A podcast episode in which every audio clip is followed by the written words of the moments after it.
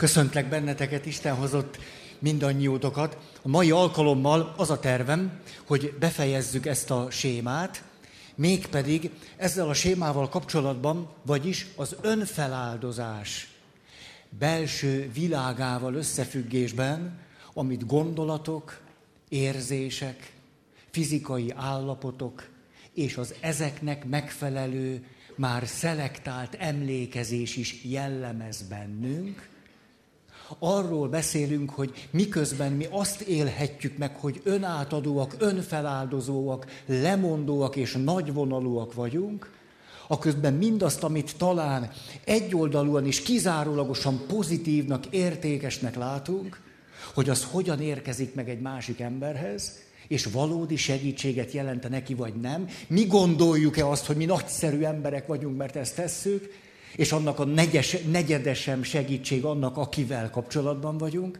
Ez az egyik megközelítésünk, a másik pedig nem csak azt adhatnánk címül, hogy az elég jó segítő, hanem azt is, hogy hogyan segítsünk magunknak. Mind a két megközelítést vehetjük.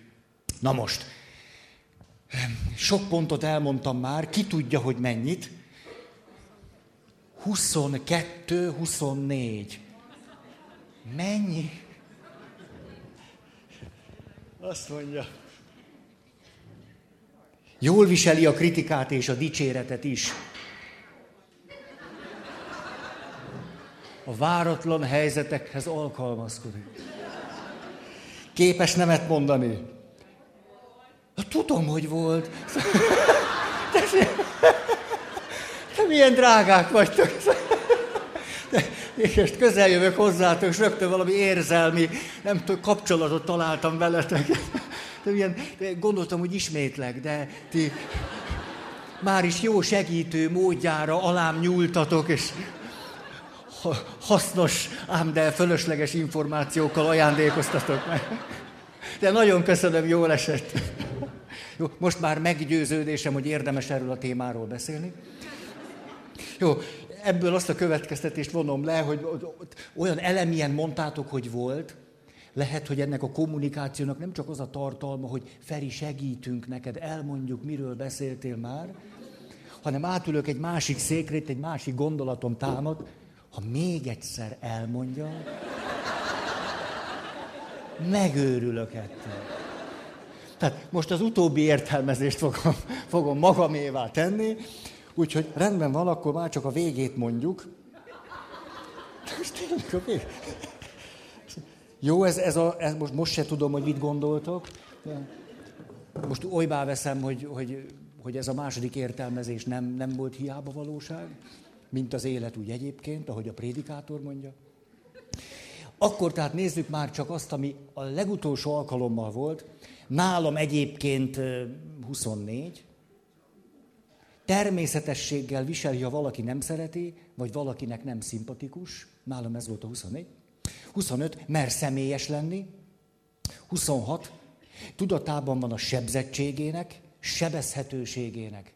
Akár egy beszélgetésen belül is. Vagy amikor saját magával tartja a kapcsolatot, akkor is tudja, hogy ez így van.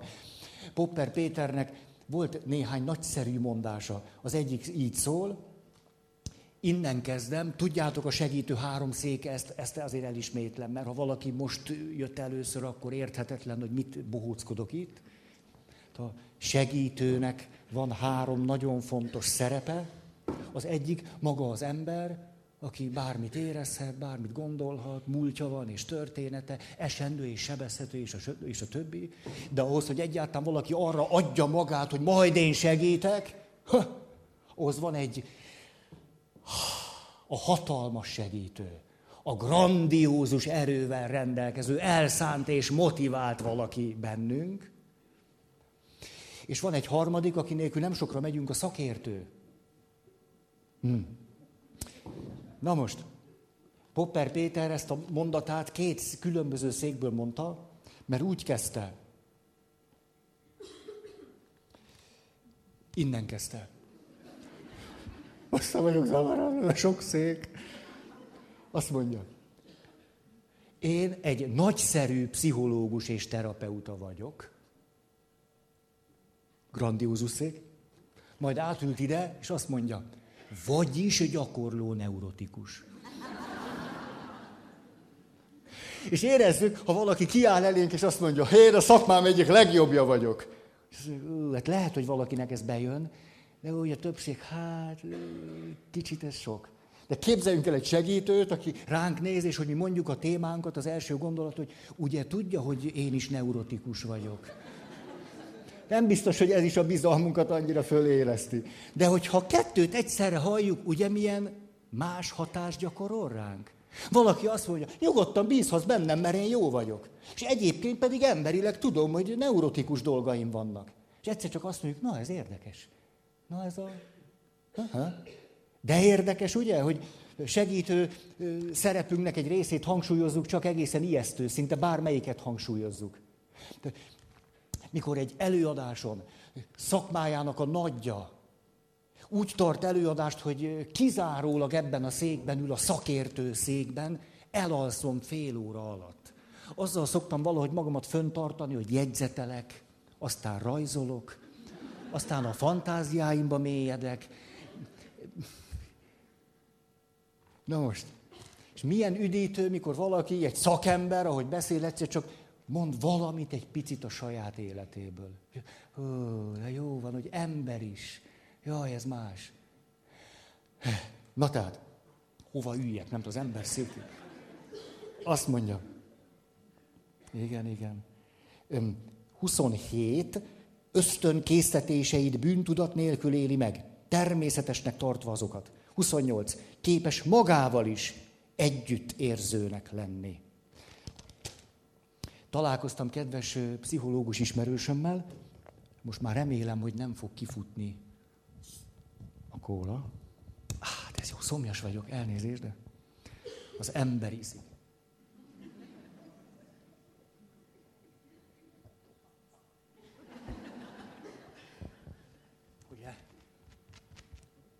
Ha itt ülnék, azt mondanám, hogy kóla nélkül is bírom egész nyilvánvaló. Kinek kell a kóla? Végig tolom nyál nélkül. Na de nem. Most már a zsiráfot nem emlegetem, mert tudjátok. Ja, tehát a kedves ismerősöm, nagyszerű, nagyszerű valaki, nagyszerű valaki. És kérdezi tőlem együttérzéssel, Feri, hogy vagy? Nem tudom, biztos észrevett. És öh, öh, már megint egy kicsit idáig vagyok. Mm. Na de, december elején leadom a könyvet. De akkor normálisabb leszek. Rám néz, együttérzés, azt mondja, Feri, ugye tudod, ha te nem vigyázol magadra, más nem fog. Jó néha kapni egy ilyen mondatot.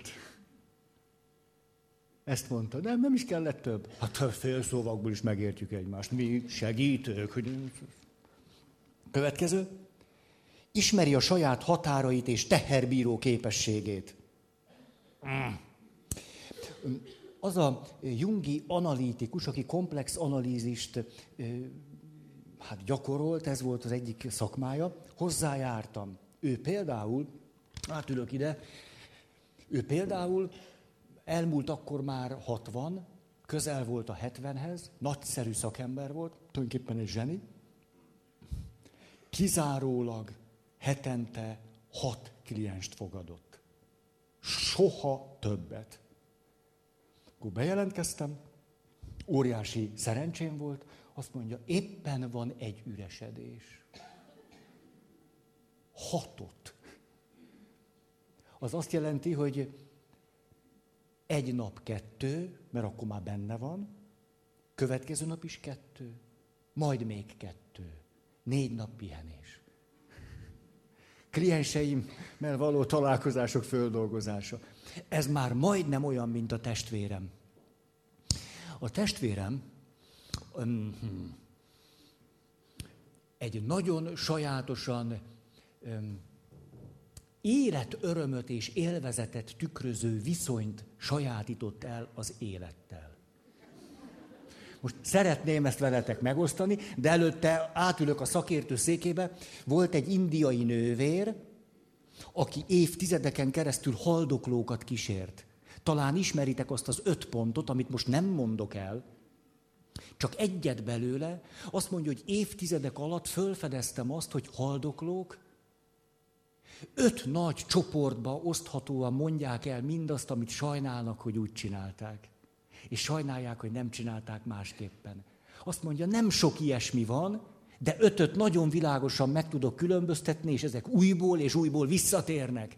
És az egyik így szól, most, hogy visszanézek az életemre, és tudom, hogy már nincsen sok, de sajnálom, hogy annyit dolgoztam. Nem érte meg. Nem kellett volna annyit dolgozni. Há. Hát én azt hiszem, hogy el is megyek most. Félt, írtok. Próbálok tanulni ebből a szakértői gondolatból. Na és most akkor visszaölök, mert a tesom fiatal emberként is nagyon ügyes volt, rátervett és életre való, ezért aztán elég sokat dolgozott, és egyre több pénzt keresett. A pénzről majd még úgy is akarok beszélni.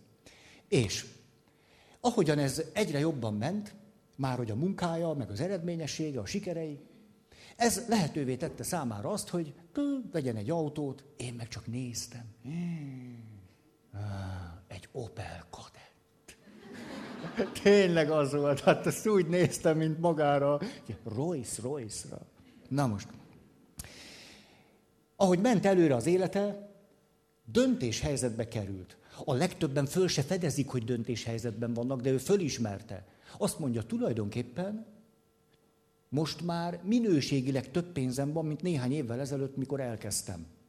Most tehát eldönthetem, hogy ugyanannyit dolgozok-e, akkor jóval több pénzem lesz, és azzal akarok majd valamit kezdeni, vagy pedig a nívót akarom tartani. És a testvéremnek a zsenialitása, ugye családban marad, hogy azt mondja, akkor eldöntöttem, nem volt még 30 éves, eldöntöttem, hogy nem akarok még többet, meg még nagyobbat, meg még gyorsabbat, meg még pirosabbat. Nem. Ezért bevezette a négy napos munkahetet.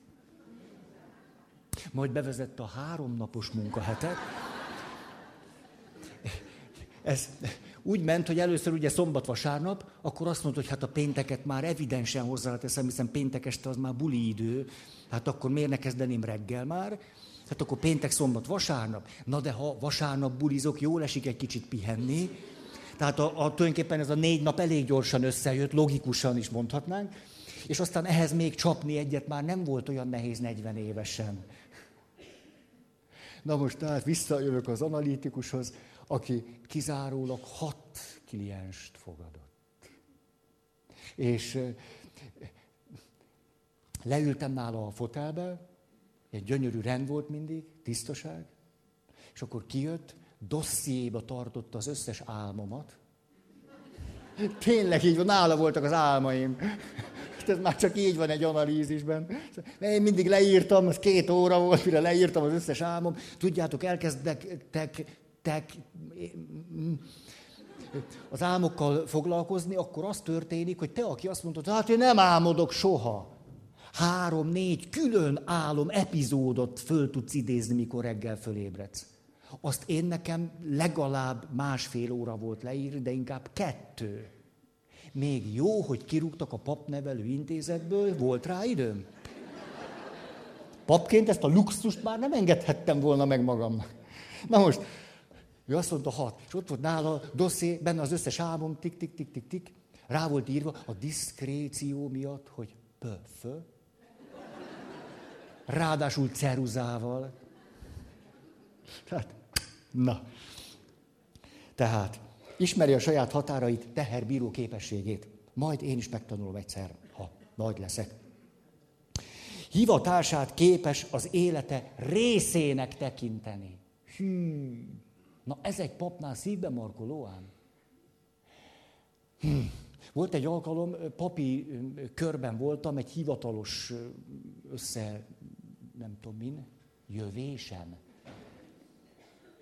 Most a gyűlés, de ezt nem akarod, hogy gyűlünk, gyűlünk. Hát jöttünk, jöttünk.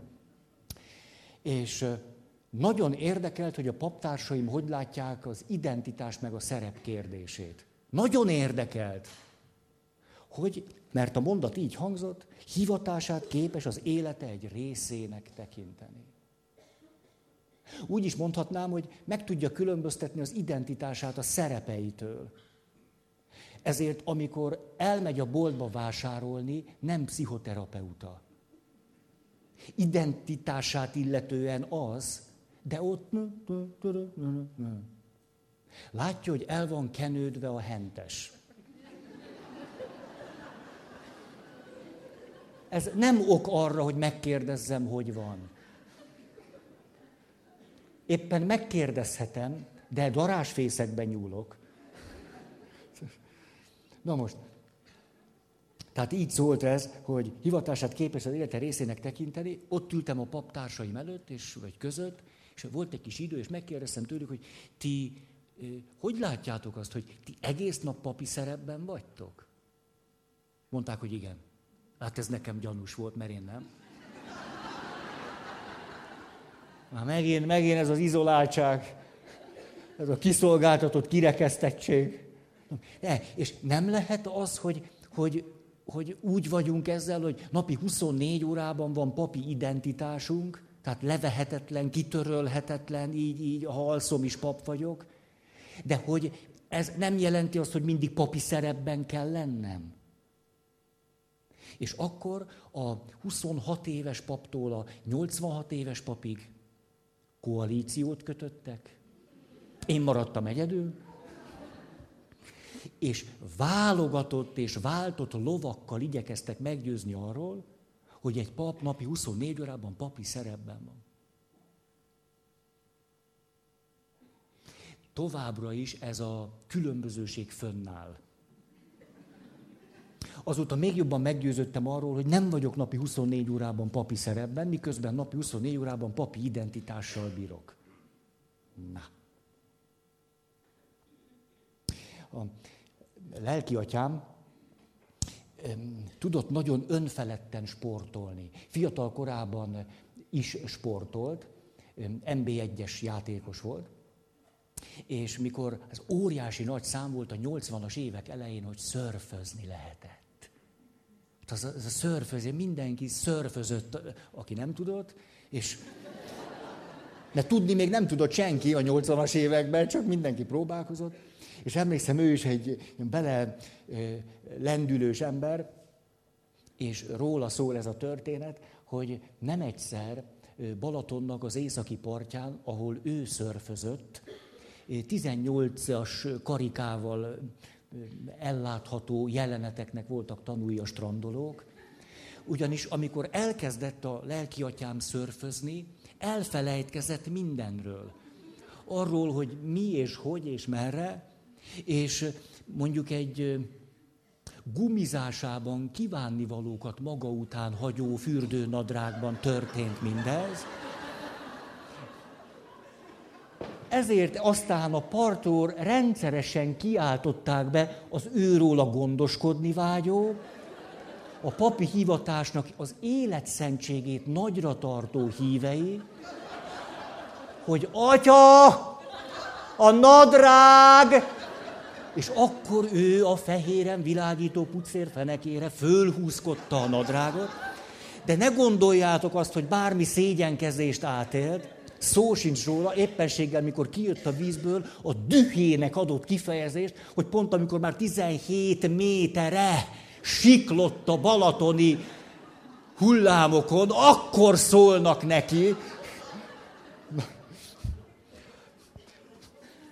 Mikor fiatal pap voltam, azzal szórakoztak az én kedves barátaim, hogy mikor együtt nyaraltunk, akkor egyszer csak, persze ott bent vízi balhéztünk, vagy nem tudom, valamit csináltunk, ott őrültködtünk, és egyszer csak a hangos bemondó, tudjátok, Balaton szokott lenni, tehát nem úgy valami emberi kezdés, hogy tehát erre mondja John Gottman, hogy durva nyitás. Figyelem, figyelem! Ferenc atyát kérjük a hangos bemondóhoz. Megismétlem. Ferenc atyát kérjük a hangos bemondóhoz. Minden nyáron tűz a nap, 35 fok ember. Mindenki, aki addig napozott, vagy ilyesmit fölült. Na, ezt a Ferenc atyát megnézik, hogy... Gondolhatjátok, hogy ez volt az a pillanat, hogy az összes csávó így ment befelé a víz felé. Nehogy már valaki, nehogy lemaradjanak a evolúciós versenybe. Tehát én meg egy szám magamból sodródtam kifelé a partra. Szóval az elég jó segítő képes megkülönböztetni az identitást a szerepeitől. Már csak éppen, amiről most beszélünk, hogy segítőként, ha meg tudom különböztetni azt, hogy van bennem valami hmm, nagyra törő és nagyon erős, van bennem közben valami adott esetben nagyon gyönge, rászoruló, sebzett és sebezhető, rengeteg határral, korláttal rendelkező, és van bennem egy elég jó, világos valaki, aki tudja, hogy ez így van, vagy úgy van, megtanulta, és ehhez hozzá tud férni. Hát ezek is szerepek. A probléma, hogyha mondjuk a segítő hivatásomra azt mondom, nem, én nekem csak ezen van, én így vagyok. Napi 24 óra, öcsikéim. Hozzám jöhettek is, mert én mindig rendelkezésre állok. Uh-huh. Hamar halnak. Persze nem biztos az a cél, hogy hosszan éljünk. Kiki eldöntheti. Milyen az, amikor benned csak ez a valaki van? Ez, jó, hát mi közöm nekem ehhez, most hülye szakmai továbbképzést tart itt nekünk, ezért kár volt eljönni jó meccs van a tévében, és nem látom. Mikor jön hozzád valaki, és azt mondja, te képzeld, ez van velem, és nem is tudom, most mit csinálják, teljesen össze vagyok törve, és te jön. Jaj, hát ez egyáltalán nem gond. Hát ez, ez mi ezzel a probléma? Veren a kásztot olvasd el, ennyi, ennyi. Olyan fölfuvalkodottak tudunk lenni, mint hogyha mi még sose lettünk volna szorult helyzetben, mint hogyha nem tudnánk, hogy ilyenkor mit érdemes csinálni, nem valakit kiosztani. Hm. Jól van. Tehát, rész-rész. A papnevelő intézetbe jártam, nem töltöttem ki a teljes időt, de bepótoltam, mert néhány évvel később visszahívtak, de nem arra, hogy kicsit befejezzem, hanem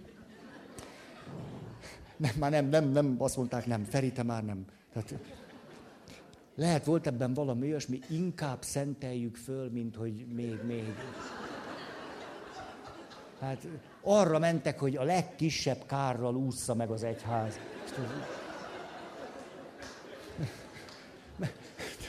Hát hívőként is nagy baj. Tehát, papként majd jobban rá tudunk szólni. Hm. Na most, visszahívott oda a papnevelő intézet vezetője, hogy üljek le, és papnövendékekkel minden héten találkozzunk és beszélgessünk. Kis csoportba, fontos, jó témákat. Ez egy nagyszerű ötlet volt. Főleg, hogy külsős papokat kértek meg rá. Na most, egyszer arra jutottam, hogy kíváncsi lennék, hogy ők hogy vannak azzal, hogy napi 24 órában ők életüket, vérüket, meg mindenüket, meg dröb, dröb, dröb, hogy tulajdonképpen mire készülnek a szemináriumban. Azt kértem tőlük, de vegyetek már egy papírt, és írjátok le, légy szíves, hogy ti mit vártok magatoktól papként. Hogy mi az, amit nektek teljesíteni kell. Azt megírták? Jó, és vegyetek elő egy másik papírt, most kérlek erre, írjátok azt föl, hogy mi az, amit tőletek joggal várnak pap voltotok miatt. Hát a testvérek vagy a hívek mit mondanak, hogy milyen legyen a jó pap. Megvolt a két lista, akkor azt kértem, na most dőljünk hátra nyugodtan, nagyon érdekes lesz, és olvassa el mindenki a két listát, hogy mitől jó pap ő, és mitől jó pap akkor, hogyha azzal szembesíti magát, hogy mit várnak tőle. Ezt hallgattuk 20 percig, gyomorrontásom lett tőle. Tehát az a 20 perc bőven elég volt ahhoz, hogy lehessen tudni, hogy lehetetlen. Hogy teljesen abszurdum, ha csak ez létezik. Hogy ilyen nincsen. Nincs. Nincs. És mennyivel jobb, hogyha valaki azt mondja, nem, hát kétség kívül pap vagyok, orvos vagyok, tanár vagyok, pszichológus vagyok, de itt ülök az emberi széken, fú, van itt sok minden, tudnék mesélni. Áj. Na jó. Így elbeszélgetek magammal. Következő. Összekevertem a lapokat. Látjátok, nem vagyok kényszeres. Következő. Na, hanyadik? Harminc, valaki, jó. Harminc? Egy. Ez volt a harmincadik. Életét jól szervezi, szervezett. Hát nem csak kifelé szervezi jól az életét, hanem belül is elég jól szervezett. Mondjuk a három szerepét elég jól szervezi. Hmm. Fiatal pap voltam, és édesanyámhoz jártam minden vasárnap ebédre. Ez jó dolog. Rántott sajt? Krumpli vagy rizs? Süti. Leves, vagy igen, vagy nem. Anyuci. Na most, anyukám minden vasárnap valamikor, ebéd előtt, ebéd közben, vagy ebéd után szóvá tette, hogy ritkán lát. Ez reális volt. Hol a kólám? Körülbelül ez ment két évig, bennem megnőtt a bűntudat. Hm.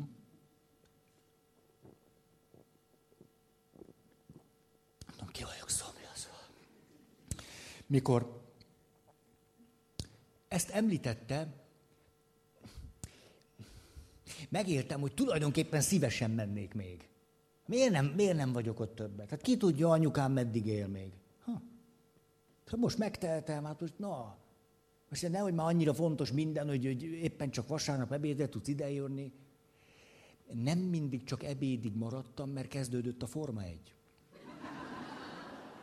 Igen, tehát úgy volt, hogy akkor megnéztem a Forma egyet, és csak utána mentem el.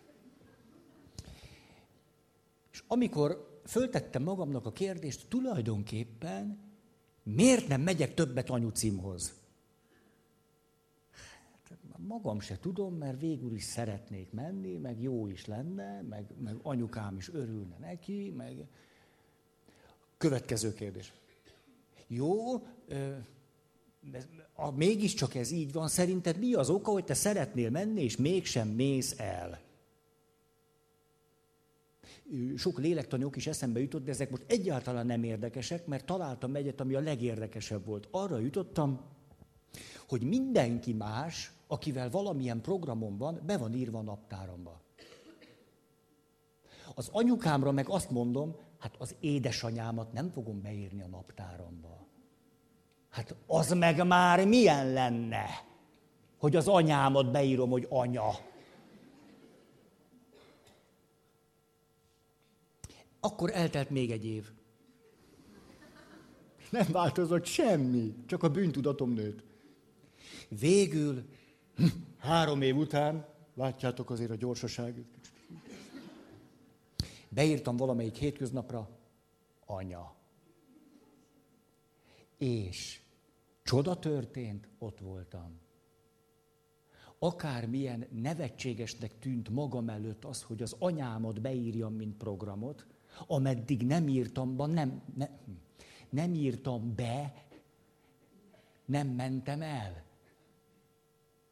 E, ez az élmény, ahogyan az anyámat be kellett írnom a naptáromba, egy életre megtanította azt, hogy érdemes magamat jobban megszervezni. Mert akármilyen érzésem lehet, a bűntudat három évig nem volt elég, hogy elmenjek hozzá. Naptár kellett hozzá, nem bűntudat. Hm. Következő. Péter. Következő. Scott Pecknek jelent meg egy könyve. Mi a címe? Járatlan út. Tudtam, hogy tudjátok. Szakértők vagytok. A járatlan út, abban ír egy nagyon eredeti, tyú, ekkorára nyílt a szemem, micsoda egyszerű és okos dolog. Sose jutott volna eszembe. Azt mondja, a legtöbb ember folyton folyvás, miközben rengeteg munkája van, ideges és dühös. És két dolgot mondjuk az egyik. Ezt egyszer nem lehet megcsinálni. A másik, hogy lehetek ennyire hülye, hogy nem vagyok rá képes. És emögött egyetlen nagyon egyszerű dolog található, nem szánunk annyi időt egy feladatra, amennyi szükséges volna. Hát ez egy pofátlan realitás. Ez olyan, mint amikor arcul csapnak minket valamivel hogy rengeteg feszültséget okozunk magunknak ezzel az egyetlen dologgal. Valamit meg akarunk csinálni, vagy éppen csinálunk, de mert nem szervezzük elég jól, nem számoljuk ki, hogy mennyi idő kell hozzá, ezért folyamatos egy nap, egy hét, egy óra, egy év, dühösség, idegesség, feszült vagyok. Téged hibáztatlak, vagy magamat, vagy az életet, vagy már nincs is kedvem élni.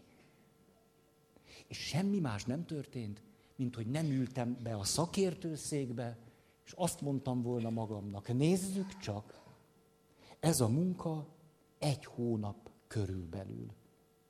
De az egy hónap nem lesz elég, ha nem készítek ütemtervet. Az egy hónapot szakaszokra kell osztanom. És ha elég okos vagyok, nagyjából azt is kiszámolom, hogy naponta mennyit kell elvégeznem belőle. Mikor valaki nekünk egy ilyen tanácsot ad, lehet, hogy most is az történik, azt gondoljuk, hogy menjen már el a sóhivatalba. Hát ha, hát ha ezt tanulta meg az egyetemen, ezért kapott diplomát, nem esett le. Ezt jelnek veszem. Az életben rend van. Na most, ha ezt tanulta az egyetemen hat évig, hogy aztán ezt mondja el nekünk, Kérdeztek egyszer valakit.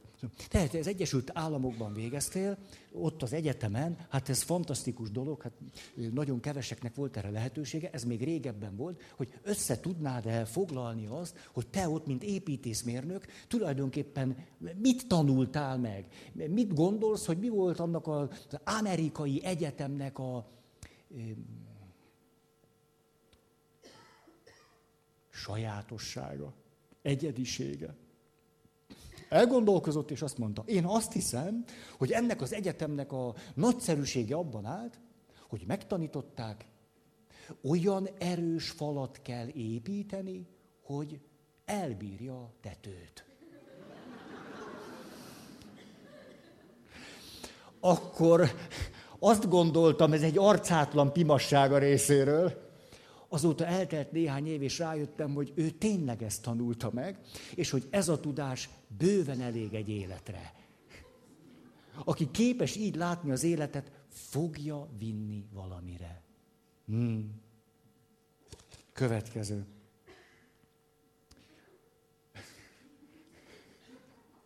Építész. Azt mondta, te jó ég, elszúrtam. Most adtam be a diplomakát. Na jó. Apuka, építész.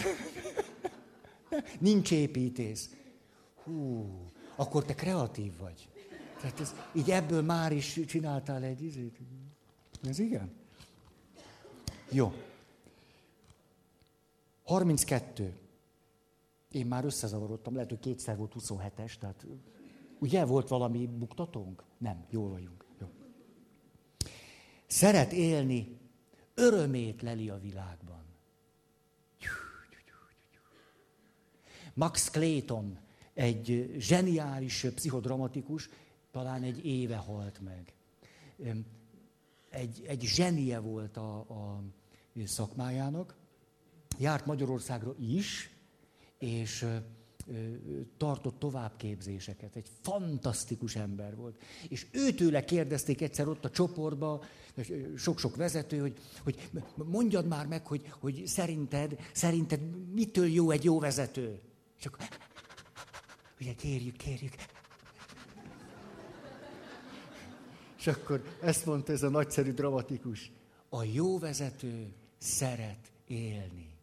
A jó segítő, most úgy vezető, a jó segítő szeret élni.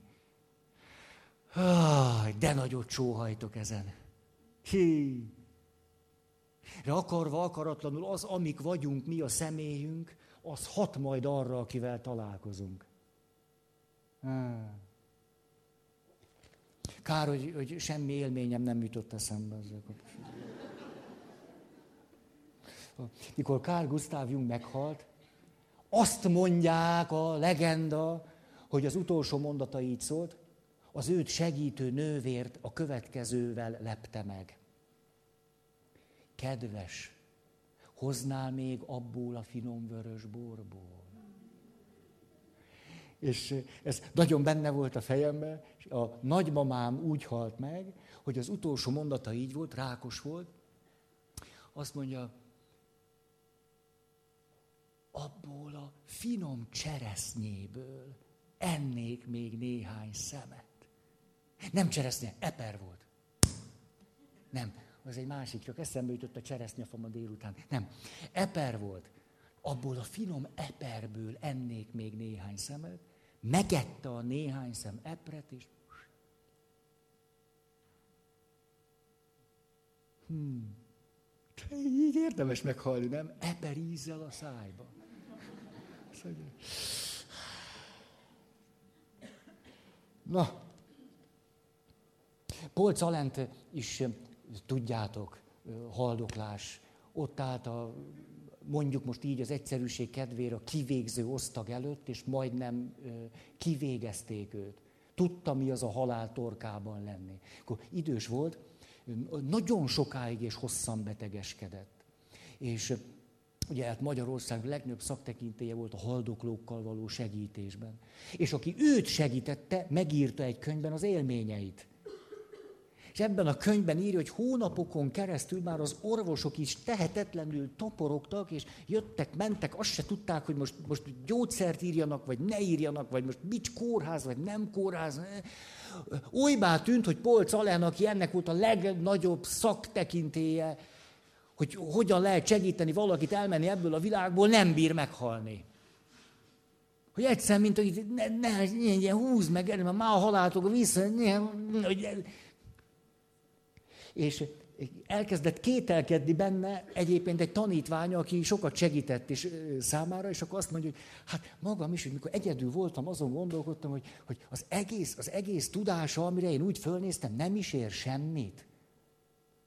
Hogy az egész, hogy csak jókat mondod, de tulajdonképpen, a, most így mondom, a legnagyobb vizsgán, amikor a saját halálával nagy-nagy idézőjel vizsgázik, teszi rá a pecsétet arra, hogy na, amit mondott, az úgy van-e, akkor ez egy totális bukás.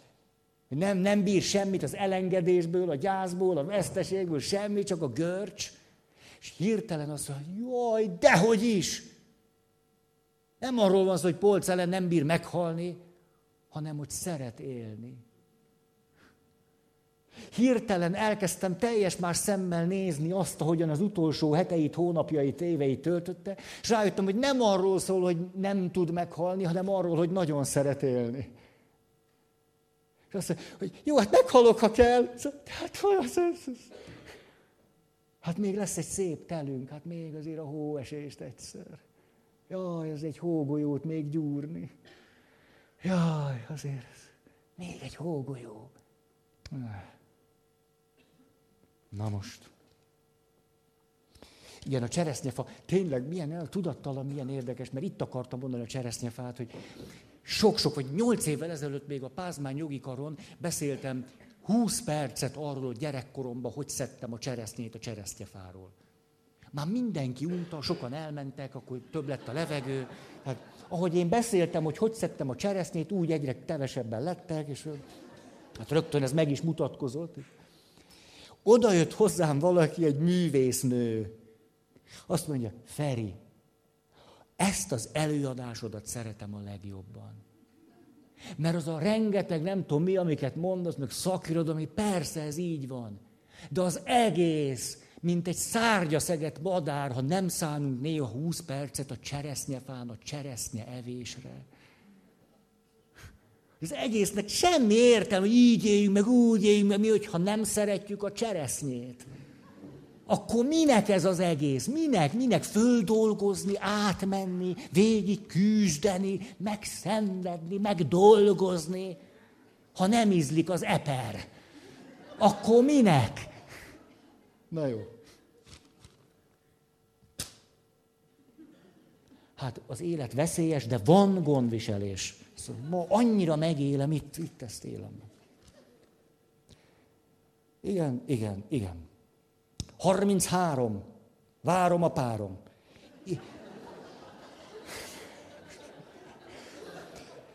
Ismeri a szenvedés értelmét és értékét.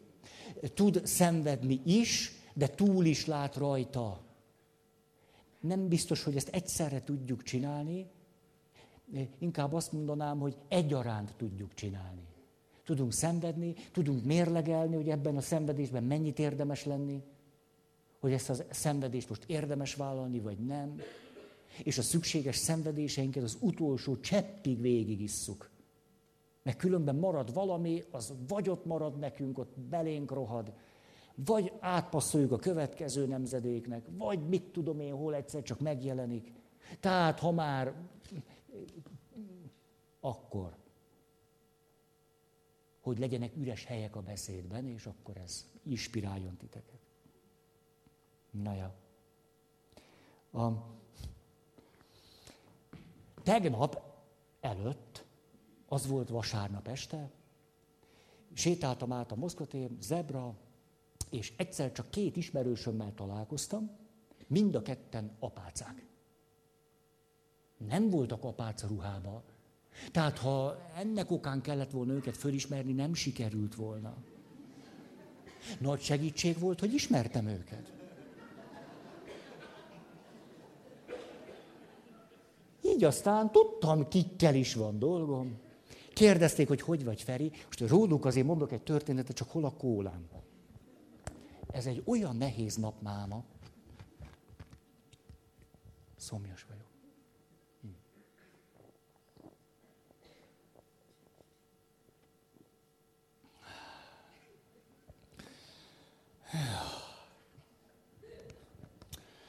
Tudjátok, most tényleg, hogy mondják azt, amikor valaki előáll valamivel? Ma a titokkal, vagy micsodával? Coming out.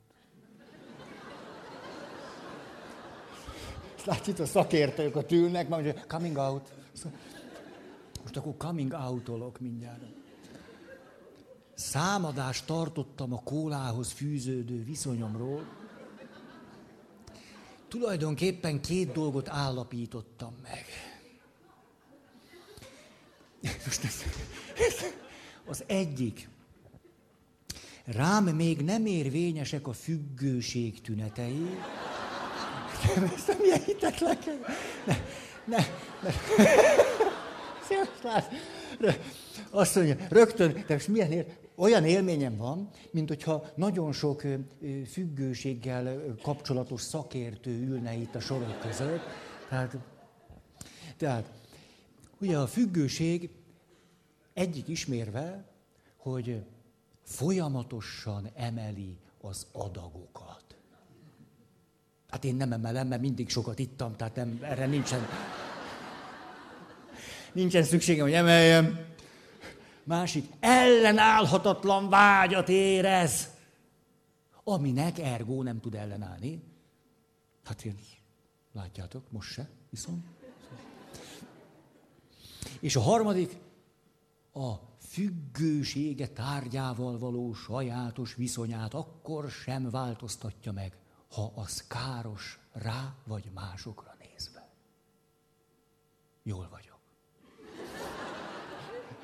De kénytelen voltam ebben az önreflexióban megállapítani, hogy a függőség előtti állomáson vagyok. Mert van a, hogy mondjam, a megfelelő viszony valamihez, valakihez, van a függőség, és a kettő között létezik olyan, hogy túl sok. Ez is olyan, mint hogy a falak a tetőt tartsák meg. Én úgy vagyok, hogy túl sok kólát iszom. Ezt be kellett ismernem. De nem ez a coming out, jól mondom, hanem megpróbáltam rájönni, mi az, ami fizikailag a leginkább a kólához köt. És rájöttem.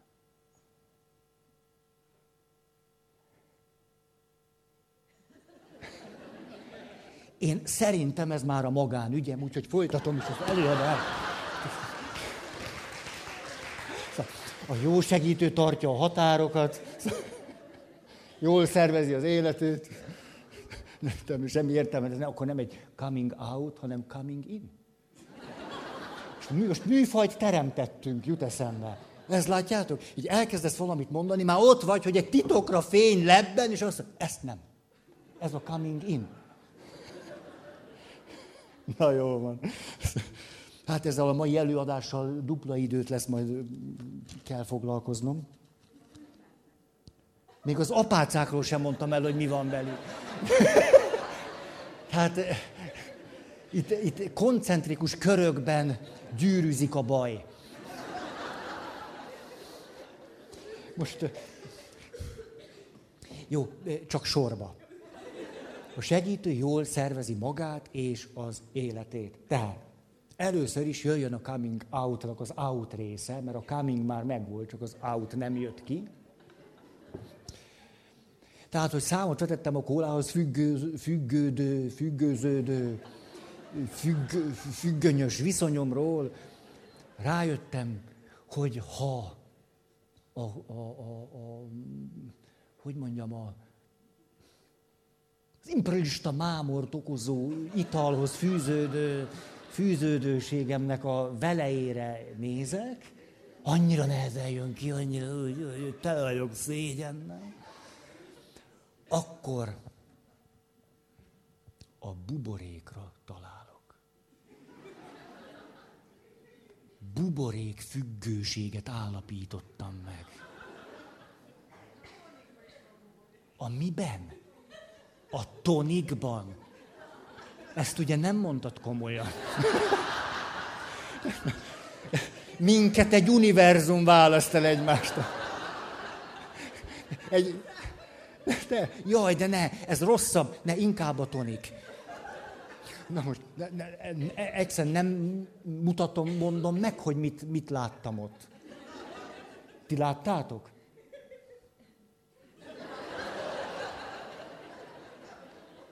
Mint középkorban kihirdetem. Első hirdetés. Kis Ramóna és Nagy Tivatar házasság kötési szándékot jelentett be. Aki valamit tud ami ellent mond az ő szándékuknak, és egyházjogi akadályt jelent, szóljon. Első figyelmeztetés. És tényleg így volt régen, kihirdették, hogy egy, kettő, három, harmadik után már jöhetett az esküvő, ott már hiába. Tehát nehogy megmondjátok, mit láttatok. Tehát, bub, most már buborék függőség. A, itt azonban egy nagyon komoly fizikai problémához jutottam. Van köztetek fizikus?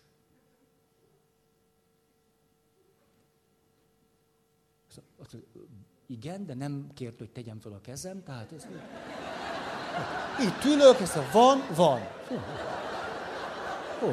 Kicsit hosszan fogunk így el, el.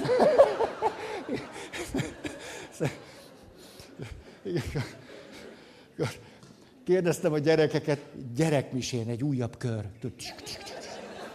De már most egyből kijöttünk, ugye csak most meg az apácákig el kell jutnunk. Én. Tudom, hogy téged ez érdekel, azért kicsit gondolkodj el, hogy miért. A... Hogy gyerekeket kérdeztem vasárnapi misén. Na most, tudne valaki válaszolni arra a kérdésemre, hogy ki volt a tizenkét apostol feje? Na töhötöm, tudnék.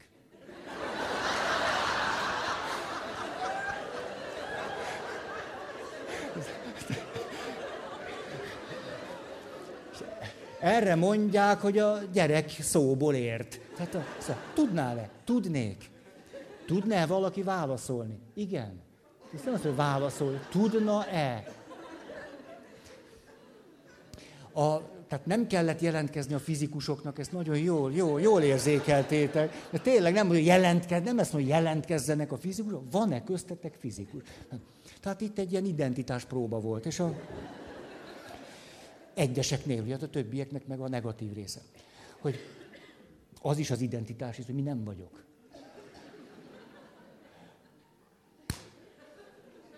Rájöttem, hogy a buborék önmagában nem. A hideg buborék. Na ezt nem tudom, hogy létezik-e olyan, hogy a buborék hőmérséklete.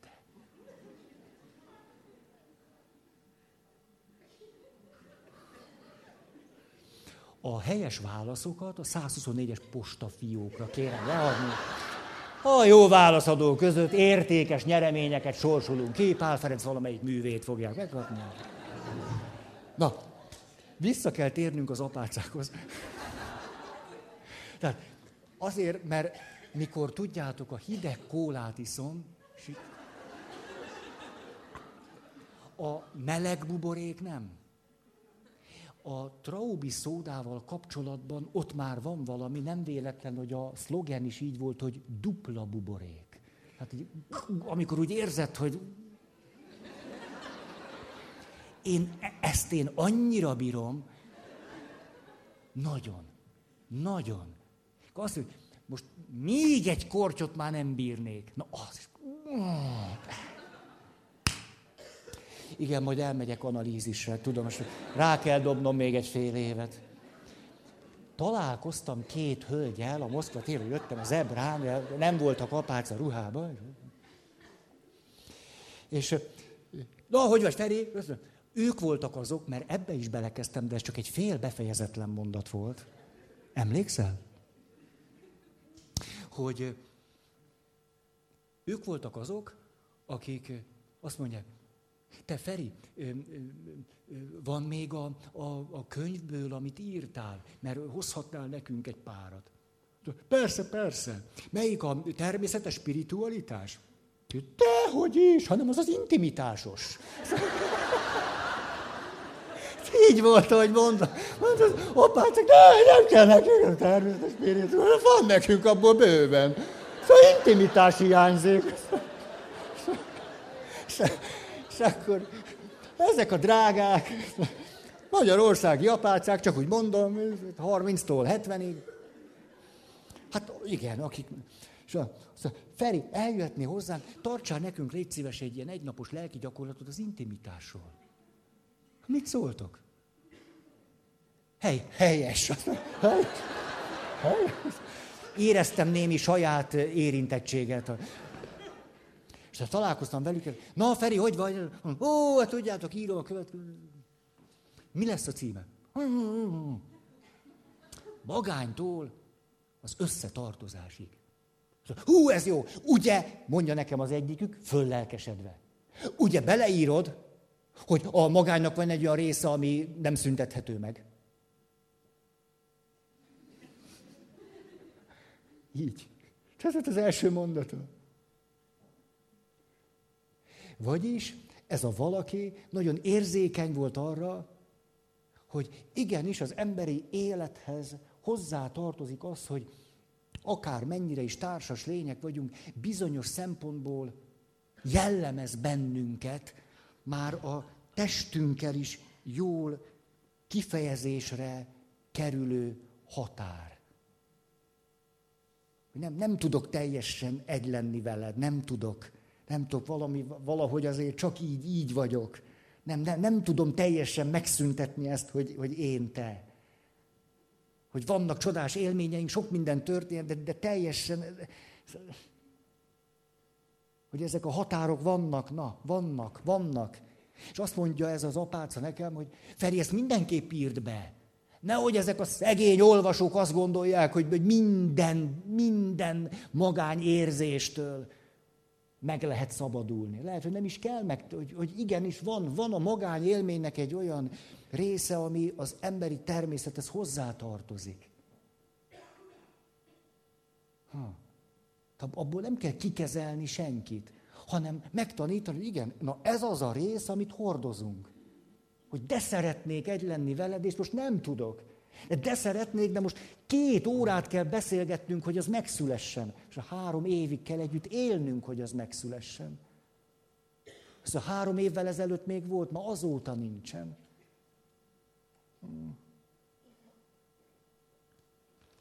Tehát a jó segítő érti és éri a szenvedés értelmét és értékét. Tud benne lenni, és tud rálátni.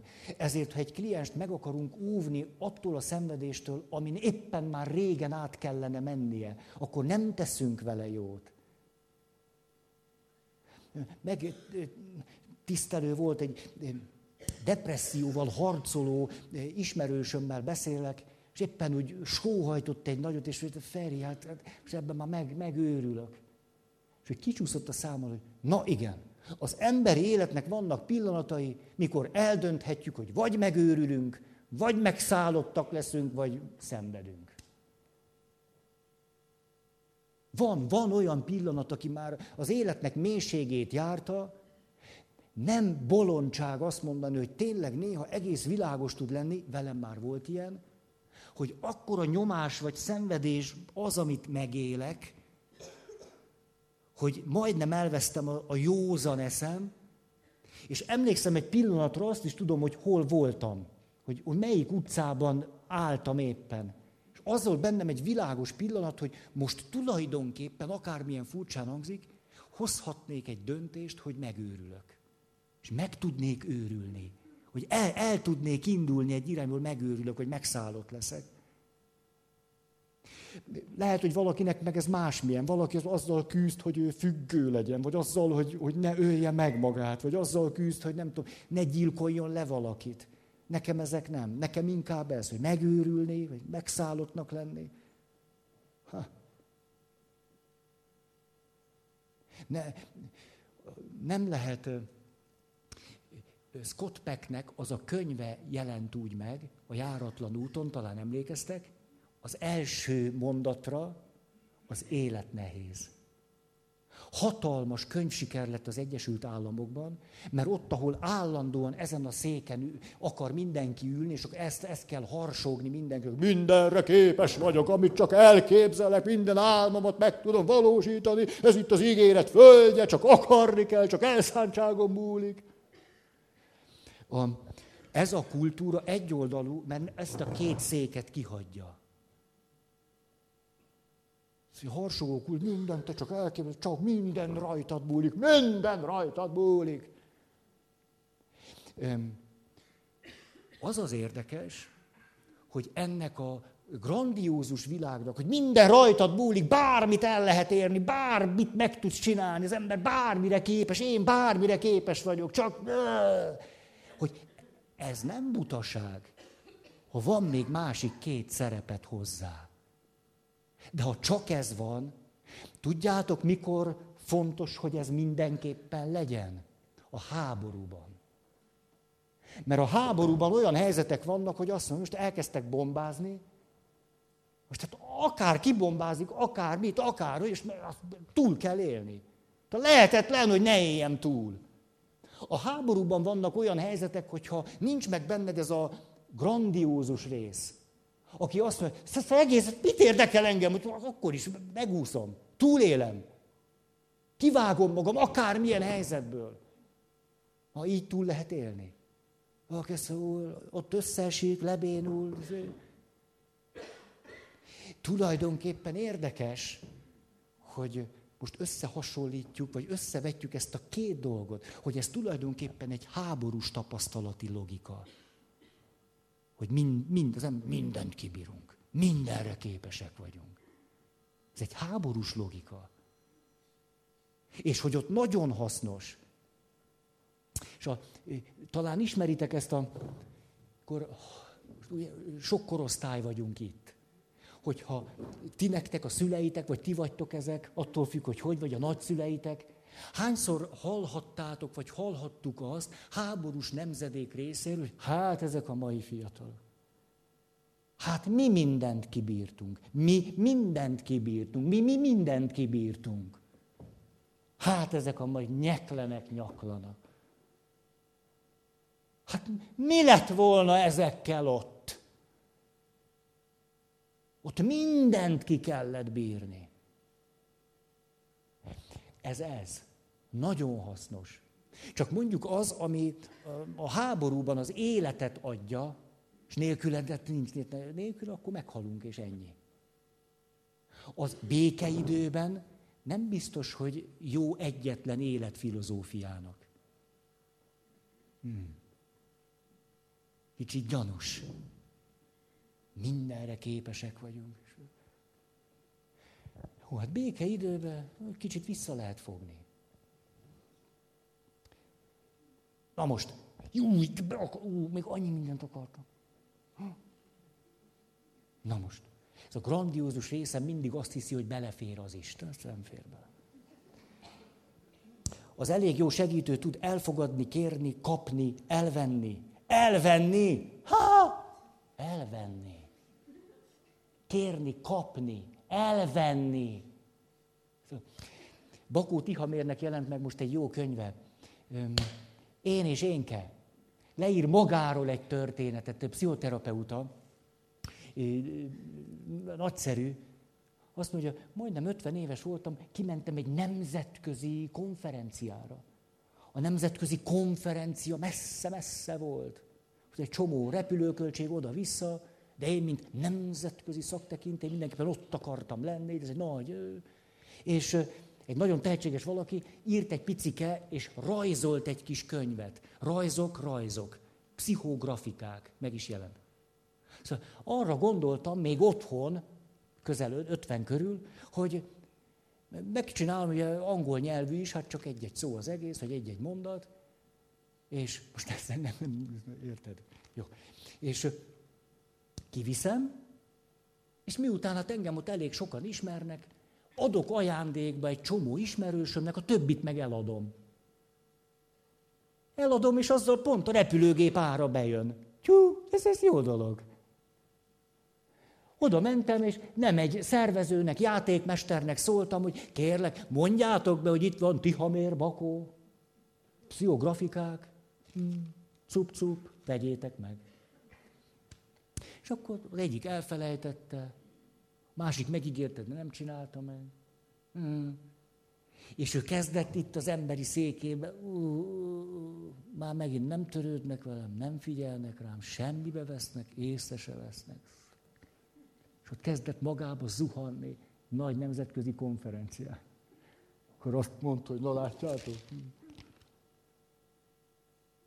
Hehe. Akkor utána írja, mondja, hogy akkor jöttem rá, hogy ez egy kora gyermekkori sérülésemből fakad. Hogy tudni elvenni. Azt mondod, igen, igen, igen. Egészségedre. Hogy vagytok azzal, hogy leülünk, vagy nem tudom, vagyunk egy baráti társaságban, különböző székek vannak.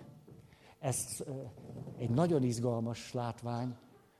Megjövünk, ott 10-15-en vagyunk, van annyi ülő alkalmatosság, de nem egyformák, hogy ki hova ül le.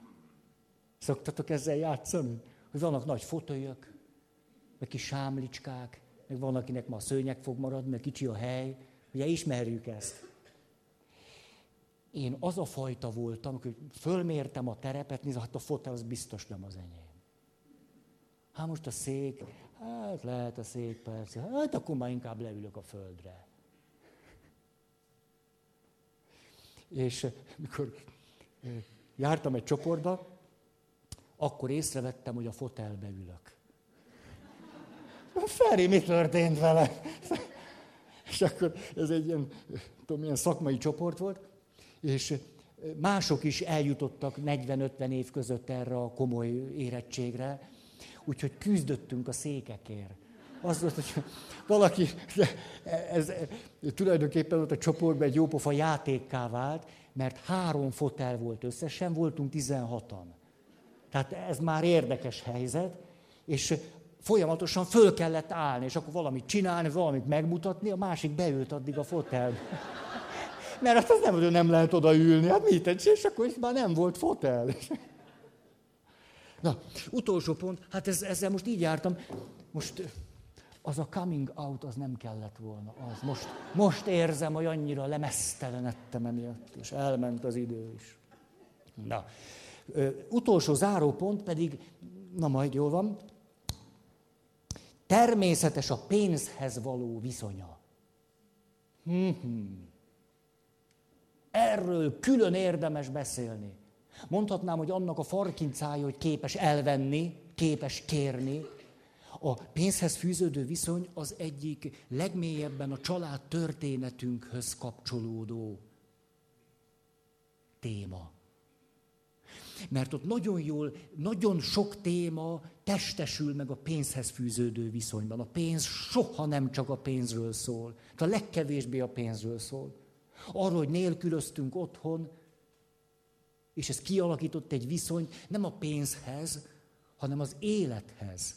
És ehhez az élethez fűződő viszony megnyilatkozik abban, ahogyan a pénzhez kapcsolódok. Ezért, csak úgy zárójelben mondom, a családban, mikor a pénzzel kapcsolatos konfliktusok történnek, azok a konfliktusok majdnem mindig megoldhatatlanok. Mégpedig azért, mert a pénzhez fűződő viszony olyan mélyen gyökeredzik, nem csak a te személyiség történetedbe, hanem az egész család történetbe és az abba való beágyazottságodba, hogy azon nem tudsz változtatni. Lehet, hogy látszólag a felszínen a konfliktus azon dúl, hogy a feleség azt mondja, hogy hát egyszerűen már föl kell újítani a fűtésrendszert. Hát látom a mókusokat, Hát tavaly egyáltalán nem gyűjtöttek ennyi makkot, most meg az összes mókus makk őrületben van. Teli pofával nem eszik, tárolják a makkot. Ez azt jelenti, hideg lesz a tél. Óvja meg az ég a tundrai mókusokat. Mindenféle galád madártól, orvrókától mert a tundrai mókus az állatvilág egyetlen szereplője, aki, hogyha valaki a téli készleteit elrabolja, hogy folytatnátok, szakértő társaim. Fejjel neki szalad a fának. Hát ezt nem, nem, ezt, na most tényleg így van, mert hogy az állatvilágban létezik-e öngyilkosság, ez, ez volt a kérdés, erre volt a kíváncsiak. Hogy az ember az a lény, aki erre képes, vagy az állatvilágban vannak-e valamilyen nyomai ennek. És a tundrai mókus volt az egyetlen, aki, hogyha azt látja, mondjuk november végén, a nagy hideg tajgán. Hogy nincs télre készlete, akkor már nem is lesz. Ezért mondtam, hogy ne legyünk közömbösek a tundrai mókusokkal. Ezért, amikor az asszony azt mondja az urának, Egyszerűen muszáj a fűtésrendszert korszerűsíteni. Hát muszáj, mi lesz itt, a gyerekek meg fognak fázni, emlékszel, és állandóan egyik taknyosult, a másik csurgott, az a harmadik, így ezt nem lehet, és ez nem, nem működött, az rettenetes, mondod, te majd megszereled, na, akkor várhattunk, akkor volt nyolc fok, nem, ezt sem. A férfi azt mondja, aj, ne vacakolj már, nyolc fok nem volt sem, megedződnek. Ö, nálunk meg mi volt? Ne viccelj már, apám fogott. Hát már fölállok ez az, jó ég áldjon meg téged. Apám fogott három téglát. Jó megbelengedte, ott a spar helyton. Azt berakta a lábunkhoz. Az melegített minket, reggel nem volt tíz fok se. E, viccel, már reggel úgy mosokodtam, fogtam, ott a kapanyéllel fölvertem ott a jeget, azt a kicsit magamra locskoltam, löcsköltem. Szórak, hogy nyolc fok volt. Azt a no, az, az, az, Ez, ez a szak, szakmai nyelv. Igen, hát gondolom le tudtátok fordítani. Hát ez, ez a gyönyörű, hogy mindenki értette, hogy mit mondok. A helyes megfejtéseket a 124-es postafiókra kérjük elküldeni, és értékes gyereményekben lehet a játékosok része, többek között néhány nagyszerű Pál Ferenc könyvet fogunk kisorsolni. Na most, ott tartok, hogy amikor az a férfi azt mondja, hogy nem, az azt mondja, hogy igen, akkor azt gondoljuk, mi kívülről segítök, látom, hogy ott vagytok, és nekem már vége. Hát de itt táncoltatok, és most így, bérem, kérem vissza az időt. So. És az a... Ja, tudok elvenni. Hogy tudnék elvenni? De hol tartok? Mert... Ne elfelejteni is tudok az a Hogy, hogy igen, segítőként, ugye nem ittál kólát, az azt se tudod, hol vagy. És hogy nézed, hogy vitatkoznak, azt mondod, hát ez egészen nyilvánvaló, hogy itt lehet egy egyszerű kompromisszós megoldást kötni. Hát csak oda kell menni, picit ránézni az asszony, hogy jaj, hát drágát, nem, nem kell ennyire kiabálni, meg így oda lenni attól. Hát látni, hogy egy értékes ember. Hát bírja a hideget, az is egy értékes, nem kell ezen annyi. Hát, a férfit picit megsimogatod, ugye azt, hogy ne, ne, túl melegem lett, ne csinálom már velem, de nem. Simogatod, kicsit, akkor megfújod. Mindenkinek mi jár neki. Fújogatod el, 37 fok, az minden, akkor valamit csinálsz. Kinyitod a hűtőszekrét, gyere, állj oda kicsit. Jó, most már be kéne fejeznem, azért teljesen magamon kívül vagyok, nem bírom ezt a nyomást.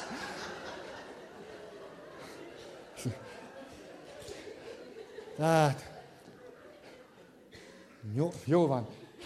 Igen, mert most megint három karika eszembe jutott, de nem voltak 18 sok-sok olyan